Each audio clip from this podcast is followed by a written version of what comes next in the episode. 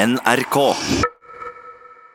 Hei og velkommen til Eidsberg eh, fengsel.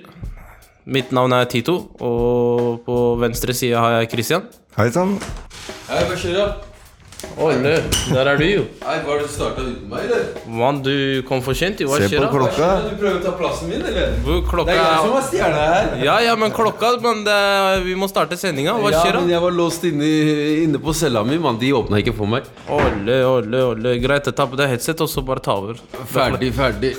Hei, hei, folkens. Mitt navn er Danny, aka Chameleon, og jeg sitter her sammen med Tito og Christian, og dette er Røverradioen. Ja, Christian, fortell. Hva er det vi skal høre i dag? I dag skal vi høre om eh, noe vi kjenner godt til, nemlig det å, utenforskapet. Eh, og det å føle seg annerledes. Ja. Eh, da tenker jeg gutter at jeg tar en runde rundt på fengselet her og intervjuer noen og hører eh, hva de gjør for at andre skal føle seg mindre ensom. Så du stikker av? Jeg stikker. Det, ja, det er god idé. Tusen, Gjør det, gjør tusen, tusen uh, tøfler etter deg. Mens du er ute, Kristian, så skal vi til Oslo fengsel, hvor vi skal uh, til uh, våre røvere Kristian Trønderen og Davo. Hvor de intervjuer Cecilie Ramona Kaas Furuseth. Ja, fordi hun fremsto jo som litt annerledes. Hun bør jo egentlig kjenne seg litt igjen i det vi kjenner i forhold til utenforskap og, og eh, det å være alene. Jeg kan ikke si meg mer enig, jeg, altså.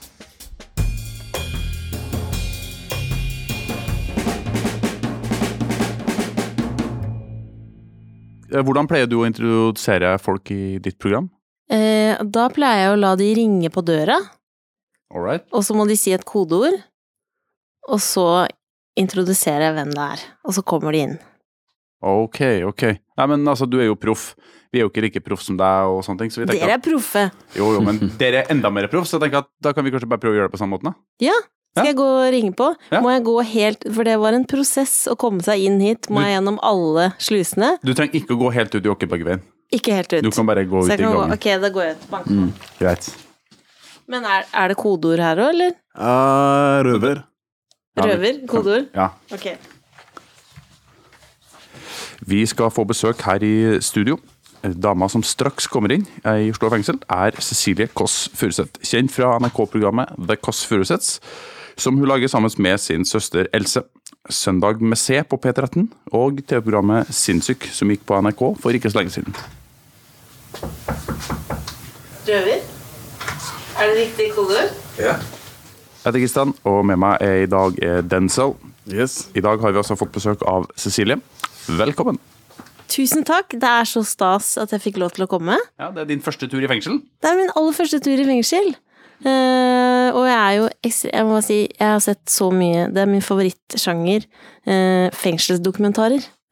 Så jeg har sett altså, så mye, og jeg har uh, Jeg brinner inne med så mange spørsmål. Så egentlig så har jeg lyst til å bare intervjue dere. Ja, du skal, du skal få Du skal selvfølgelig få muligheten til det. Hvordan sånn helt kjapt, hvordan har det var det å komme inn i fengsel, og var det sånn som du trodde? Mm, ja, det var liksom Jeg ble overrasket. Jeg hadde jo så lyst til å ta med liksom, mobilen inn og ta sånn Insta-story med dere og bare kjøre fullt kjør. Det fikk jeg jo ikke lov til. Nei. Så det var jo, og det var en liksom sånn metalldetektor og Så det var jo litt sånn kjør. Ja. Det var ikke bare bare. Kan ikke bare spasere inn, liksom, og det er jo kanskje bra, da. Nei, det er jo Jeg tror det er litt det er ganske strengt med mobiltelefoner og sånne ting, selvfølgelig. Eh, Men for at du ikke skulle få helt panikk, da, siden det var din første tur i fengsel, så har vi pynta litt. For at, Det er helt fantastisk pynta. ja, fordi dere har jo på deres show så er det jo masse godis, dere har masse snacks, dere har masse flott pynt og sånn. Eh, Vi har jo ikke helt tilgang på de samme tingene, så vi har brukt uh, doggybags dorull og nudler. vi har prøvd etter beste evne. da. Det er kjempe, og sånn papptallerken hvor det står Cecilie. Det er Ja. kjempefint. Men er det Spiser dere nudler som snacks, altså? Jeg tror noen gjør det. Jeg tror det går veldig mye nudler her inne. fordi det er jo ikke alle i Oslo fengsel som har mulighet til å lage mat. De har, de har jo ikke noe kjøkken, så nudler er liksom en enkel måte å lage seg mat på. Ja, ikke sant. Fordi du trenger bare varmt vann. Jeg også liker å spise det tørt. Du, Cecilie, jeg har et spørsmål til deg. Ja! Har du med noe i safen til oss? Noe i, Safen? i safen? Ja, som i rumpa. Å ja, det er safen! Det kalles det safen? Det er så gøy at det kalles det. Ja, ja, ja. Nei, men det vet jeg jo at eh, skjer. Men skjer det i Norge også? Har noen tatt med noe i safen til dere? Nei, Det kan dere ikke kanskje si. Det ikke- er ingen kommentar, egentlig. Ingen kommentar. Nei. Men ja, man putter det altså opp i ratata og tar det med gjennom. Ja. Ja. Ja, Hva er det, hvis dere kunne velge én ting noen kunne ta med i safen som du savner når du er i fengsel, hva ville det vært? Skal jeg svare for min del, så er det jeg savner mobiltelefon, da. Men jeg tror Ja. helt ny iPhone er ganske, det er ganske upraktisk å ta med seg, tror jeg. Ja, det er sant. Ja, Jeg tror nok jeg hadde gått for det samme, jeg også. En ny iPhone. en ny iPhone. Helst den største, så da har vi et lite Den største, ja, den Ja. Pro, den nyeste. Ja. Det blir vanskelig. Sånn, ja. eh, Det blir, et lite, det blir litt, eh, det blir litt utfordringer. Men eh, da kanskje vi satser på det neste gang du kommer, da, at det er med et Ja, eller annet. da skal, jeg, da skal jeg få med meg et eller annet. Ja, ja, men det er bra. Men du har jo et, eh, et radioprogram sammen med søsteren din, mm. som beskrives på en ganske spesiell måte. Uh, og det er da 'Ingen bør være alene på søndager'. Mhm. Derfor inviterer søstrene Else og Ramona på brunsj hver uke. Det er alltid ledige plasser rundt bordet, og alle burde ha en familie, og nå er det Kåss Furuseths din. uh, og velkommen skal du være. Uh, hvorfor lager du et sånt program? Det er fordi at vi vet, og det er veldig sånn tabu å snakke om fortsatt, at folk føler seg ensomme. Eh, Man skal liksom ikke være ensom eller innrømme at man er det, men det er det veldig mange som er. Og man kan også være ensom selv om man har masse folk rundt seg, eller selv om man har masse venner. Um, Men vi tenker at vi skal prøve å gi liksom selskap til noen som trenger det, eh, for å på en måte være noens venn, da, hvis de har lyst til det, selvfølgelig. Eh, Så prøver vi å liksom inkludere eh, at alle er velkommen, uansett. Mm. Vi i fengsel kjenner jo mye på ensomhet, Ja. og jeg lurer på om du har kjent på ensomhet? Jeg har også kjent på ensomhet, og man kjenner liksom eh, at jeg kan føle sånn åh, det er ingen som vet hvordan jeg føler det akkurat nå. Eh, det er ingen som vil forstå meg. Og så har jo skjedd at det liksom har vært i et rom med masse fremmede folk, eksempel, og så føler man seg skikkelig ensom. Eh, og at man kan kjenne hvis man er hjemme aleine, så er det sånn åh, nå skulle det gjerne vært noen her. Eh, også når jeg har vært singel og sånn, så har jeg jo kjent på det. Ja, og her så, så for innsatte sin del da, så er det selvsagt mange som føler seg ensom, rett og slett fordi at spesielt her i Oslo fengsel, som det har vært i mye media i siste, at det er mye isolasjon og sånne ting. Man blir rett og slett uh, avisolert fra både samfunnet og de rundt seg. Mm. Men det som kanskje ikke mange ikke tenker over, det er jo at man blir ensom når man kommer ut også. Mange blir faktisk mer ensom når de kommer ut, Mm. fordi de skal bryte med nettverket sitt. De skal prøve å leve et liv uten kriminalitet. Mm. Hvis det er det eneste livet du har levd, så er du alle vennene dine alt i noen tilfeller, altså familien. da. Så er liksom, Mm. du skal prøve å bryte med det, her, og da blir du stående helt alene. Ja, fordi hva i all verden skal man gjøre da, liksom? Ja, det er sånn, Hva gjør man egentlig Og for å få finner laga man ja, nytt nettverk? Hvordan lager man det? Det Men- er jo kjempevanskelig. Hva er liksom Det er ikke sikkert at du har noe et, altså, No pressure, men hvordan lager vi et mindre ensomt samfunn? Jeg tror at eh, vi alle må bli flinkere til å se hverandre. eh, og at man ofte kan liksom se om det er noen som trenger deg, eller om det er noen som trenger en hjelpende hånd. Da. Enten hvis de ikke har det noe bra, eller hvis du legger merke til at det er noen som alltid går aleine, hvis du er på jobben, at noen spiser lunsj aleine alltid. At man kan spørre sånn 'Har lyst til å sitte her?' Eller sånn 'Har lyst til å gå en tur?' 'Har lyst til å ta en is?' Eh, at man liksom eh, kan være litt sånn, selv om det er sånn 'Å nei, jeg skal ikke, jeg skal ikke bry noen' og sånn, så må man bare heller være masete, da. Ja, Heller spørre litt, liksom. Ja, heller spørre og bare presse litt på. Hvis noen sier nei, er du helt dust, eller? Så får det bare være, liksom. Men man kan, man kan bare, ja, være litt flinkere til å eh, Eller få huet ut av eget rasshøl, som jeg pleier å si. Man må se litt rundt seg. Innsatte i norske fengsler lager radio. Du hører Røverradioen i NRK P2. Jeg tenkte at eh, Hvis vi beveger oss litt vekk fra, fra radioen og så litt mer over til TV-en fordi du har jo laga en TV-serie på NRK, Mhm. eh, Sinnssyk, hvor du følger en del mennesker som har eh, alvorlige psykiske uh, lidelser. Eh, og Hvordan var det egentlig å møte de menneskene? Eh, da jeg var kjempenervøs for å møte de, også fordi at jeg ikke har lagd TV før, men også fordi at jeg tenkte sånn åh, det er sikkert tungt for de å snakke om det om igjen. Eh, og at det er liksom ok, du skal snakke om dine eh, liksom dypeste vansker, og så skal du gjøre det foran et kamera i tillegg. Men det jeg lærte, da, det var, det var jo utrolig fine, varme folk som jeg ble sånn ekte kjempeglad i av å møte. Eh, og det var jo også min på en måte, Det jeg ville med serien, var å vise at det er helt vanlige folk. Eh, som kan leve verdifulle liv. Eh, med en psykisk lidelse, da. Ikke liksom jeg lever ikke på tross av, men at de lever med. Eh, så det var kjempefint å møte de, og spennende og skummelt og ja. En av episodene handler om deg, at du har diagnosen bipolar. Mm. Hva vil det si å være bipolar? Det vil si, sånn en, helt enkelt forklart, så er det at det går eh, mer opp og ned enn hos vanlige folk. Fordi alle har jo eh, dårlige dager, gode dager, humøret svinger. Eh, men hvis man er bipolar, så svinger det på en mer ekstrem måte. Eh, sånn at man kan bli veldig deprimert, eller man kan bli veldig høy på livet. Hvorfor valgte du å stå fram med diagnosen din? Eh, det var egentlig fordi, og det er liksom selvmotsigende, men jeg ville si det høyt sånn at man kunne begynne å drite i det. Fordi at jeg syns ikke det har noen ting å si. Eh, og det er ingen som er like, og eh, hvis man sammenligner meg og en annen bipolar person, så er det vi har til felles, er noen symptomer.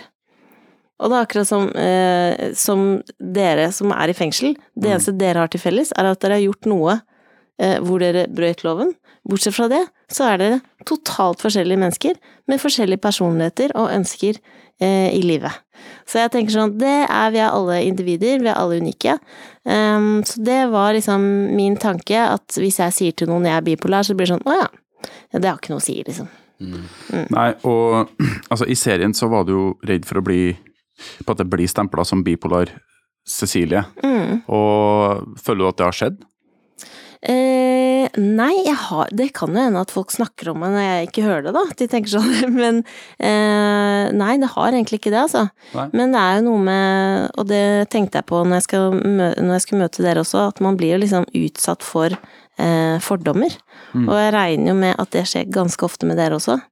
Eh, at man har sånne Hvis du får vite én ting om en person, så tror man at man vet mye mer. Eh, så for meg så ville jeg at det skal bli sånn når dere kommer ut herfra, at det skal også være sånn Nei, men det er ok, du har sittet i fengsel, hva så, liksom? Nå kan du vise hvem du er. Det skal ikke ha noen ting å si, da. Nei, og det er jo litt det som øh, det, det, det er litt det vi tenker òg, for at det på samme måten som du sier, det er, det er veldig mye myter. da. Og som du sier, Når folk hører én ting, hvis de hører at ja, du har sittet i fengsel, så tenker folk automatisk ganske mye.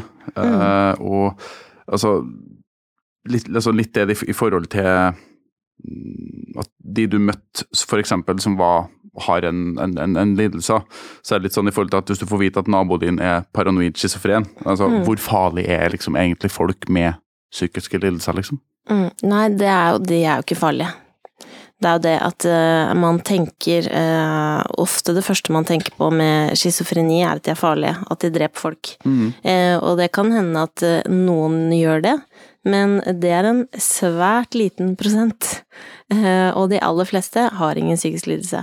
Så de er ikke farlige, og det er det jeg tenker på hvis man, liksom, hvis man får den diagnosen. Eh, så en jeg snakket med som har den diagnosen, var sånn ok, med en gang hun fikk det, så bare hva faen skal jeg komme til å drepe familien min? Fordi man blir sånn, det er det man har sett på TV Ja. eh, og på nyhetene, at det ofte blir trukket fram, men eh, de er ikke farlige. Nei. Hva slags råd har du til andre eh, lignende situasjoner som deg?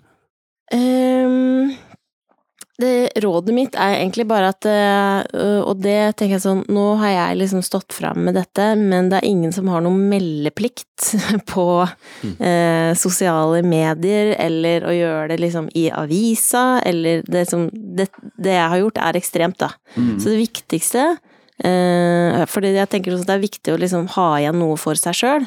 Eh, så det er veldig mye jeg ikke har delt og sånn også, men mitt råd er å bare si det til én person du stoler på.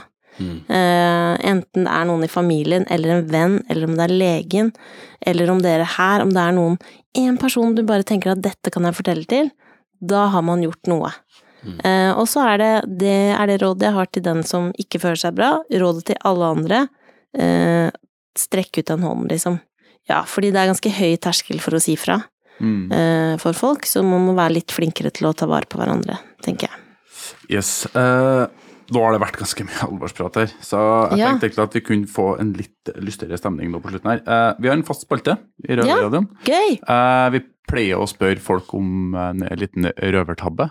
Du sa jo at du ikke var noen sånn utbredt stor gangster, men har du noen ganger gjort noe som er litt sånn uh, halvskjedig, og så har det gått uh, på Jeg har øh, Jeg var i en periode, når jeg var tolv år, så stjal jeg så mye greier fra butikken. så jeg var i alle Altså på Jessheim, det var sånn der senter, storsenter, liksom. Jeg var Jeg stjal fra alle butikkene. uh, og så ble jeg da tatt. Eh, altså, det var Jeg tok mye Hva var det? Tok sprettballer og viskelær og dagbøker og liksom bare forsynte meg på det grøvste. Eh, og da måtte jeg da gå tilbake i hver butikk sammen med faren min og si 'lever tilbake tingene', og si unnskyld. Det er det verste jeg har opplevd, men det fattern ikke vet, er at jeg tok ikke med alt. Så jeg hadde på en måte et lager av ting jeg hadde stjålet. Du hadde fortsatt et lager stæsj? Ja. Men etter det så har jeg ikke turt å stjele, for det var noe med det å måtte gå og si unnskyld til dama i butikken som jeg bare Det var krise. Men eh, ja. Du var ikke høyt oppe da? Nei, da var jeg en vanlig Nei, det, nei, Det var kjipt. det var dritkjipt, ja. Uff, uff, uff. Ja, jeg ser for meg det litt flauhet og skam og det ene og andre der som ikke var helt Ja, det var skammelig, ass. Men eh, du sa jo innledningsvis, før vi gikk på lufta her, at du hadde masse spørsmål til oss. Nå, mm.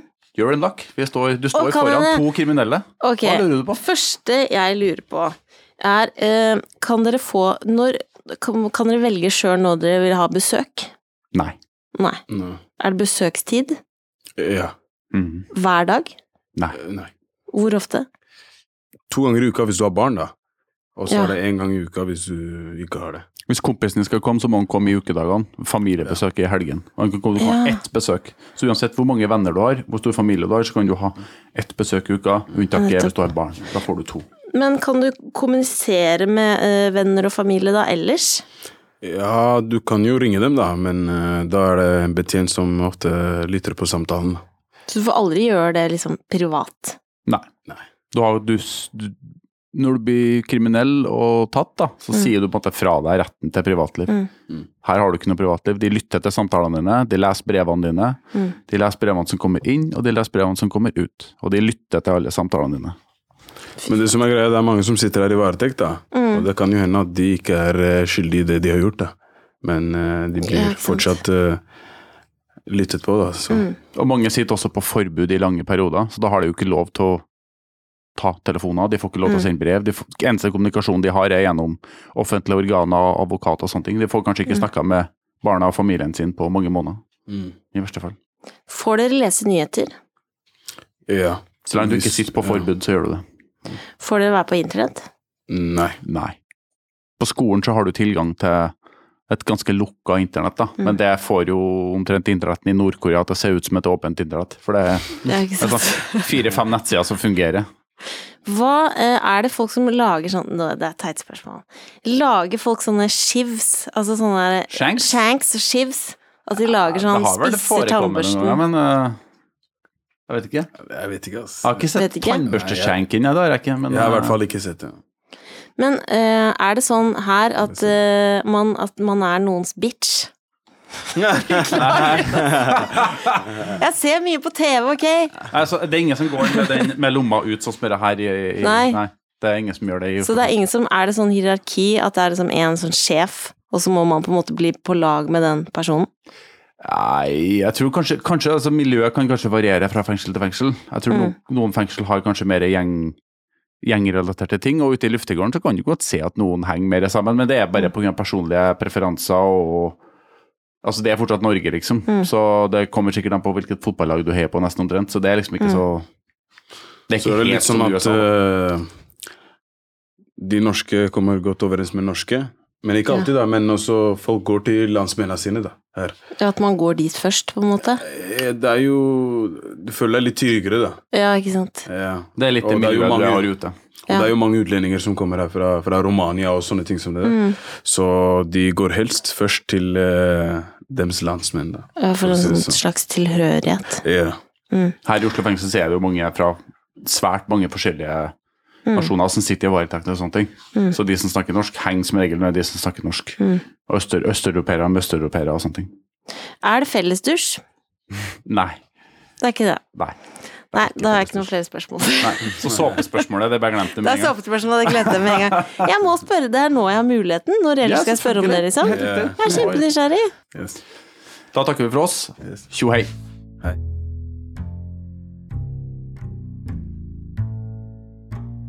Innsatte i norske fengsler lager radio. Du hører Røverradioen i NRK P2.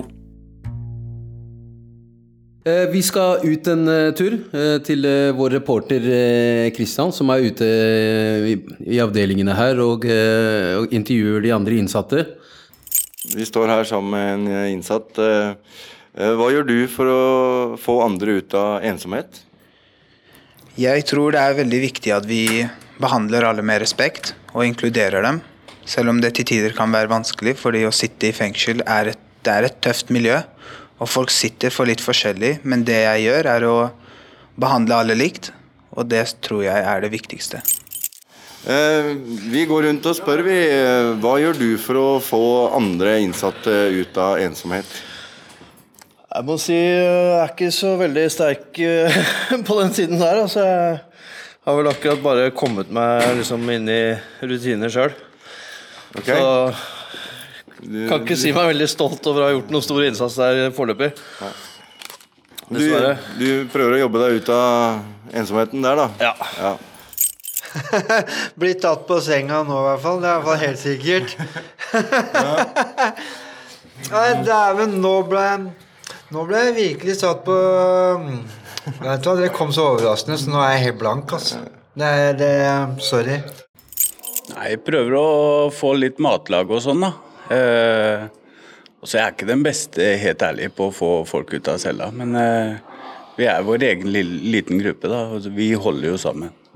Dere prøver alle sammen å få med folk på matlag og ut i lufta? Nei. Nei. Nei. Nei. Nei. Ok. Ja. Ja, nei, men den er god. Ja.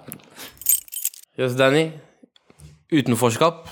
Jeg henger ikke helt med. Kan ikke du fortelle meg litt om hva det er? Jeg, eh, når jeg vokste opp, jeg vokste opp eh, i et hjem som Det var et litt ødelagt hjem med eh, høy grad av vold og sånn, ikke sant. Ja. Og eh, det gjorde jo at det gikk jo utover skolen min. Jeg klarte ikke å konsentrere meg på skolen. Lærerne eh, klarte ikke å ta tak i meg. Og eh, jeg begynte plutselig på spesialgruppe, og eh, fikk ikke ordentlig Hva skal jeg si Jeg fikk ikke gått gjennom skole, eh, skolen ordentlig, da. Ja. Og det gjør jo at eh, du føler på en måte at du ikke har noe plass i samfunnet.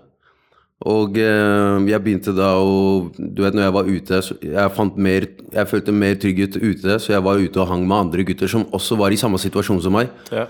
Hvor vi bare hang gatelengs og langs, og, og eh, politiet stoppa oss, og allerede der fikk vi også en sånn et lite vendepunkt. da, Politiet stoppa oss og ransaka oss, og så ble vi bare Det ble bare en sånn ond sirkel, da.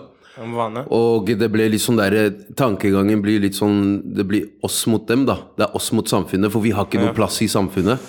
Ikke sant? Og da er det fort gjort at du plutselig ender opp i en gjeng, eller eh, blir mer radikal hvis du møter folk som på en måte påvirker deg negativt, da. Ja.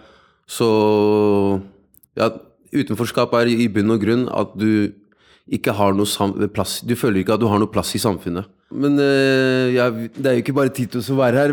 Jeg har jo med meg eh, Mats og Daniel. Hva synes dere om eh, utenforskap?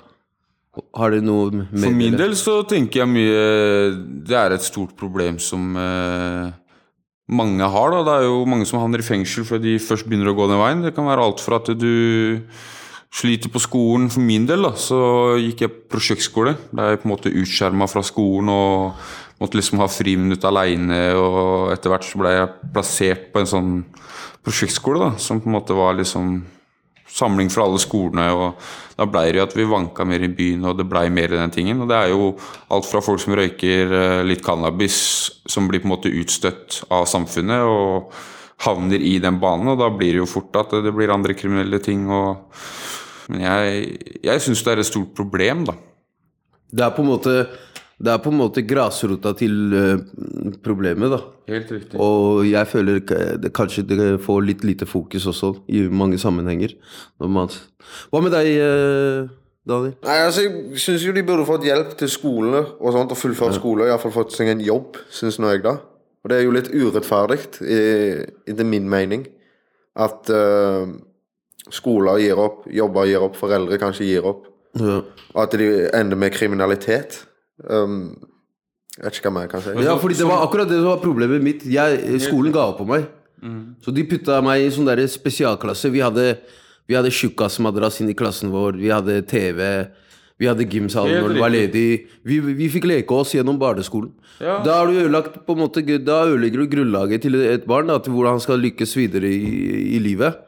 Ikke sant? Og så at jeg ender opp her, da, det er jo nesten forutsett.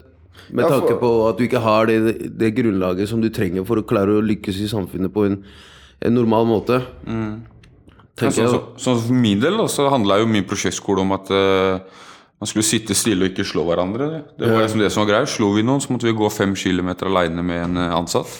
Og hvis vi eh, ikke slo? Og hvis vi ikke slo noen den uka, så fikk vi lov til å kjøre cross. Spesiell Spesielt pedagogikk, altså. Så hadde vi et kvarter undervisning om dagen. Ja.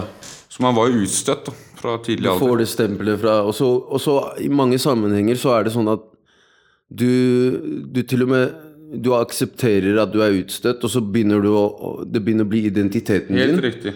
Og så begynner du å si ja, vi er the underdogs, og så bærer du det som et stolt merke og livets harde skole, og så bla, bla, bla. Helt bla riktig. ikke sant? Og så bare blir du inne i den sirkelen. Ja, Så finner du tilhørighet med andre som er i Finner samme identitet, da. Uh, Og så er det ofte mye eldre folk du begynner å banke rundt i barneskolealder, så du på en måte vokser fort opp, da. Du får på en måte ikke tid til å være unge. Tusen takk for eh, refleksjon, gutter. Det var veldig Takk, takk. I like måte, gutta.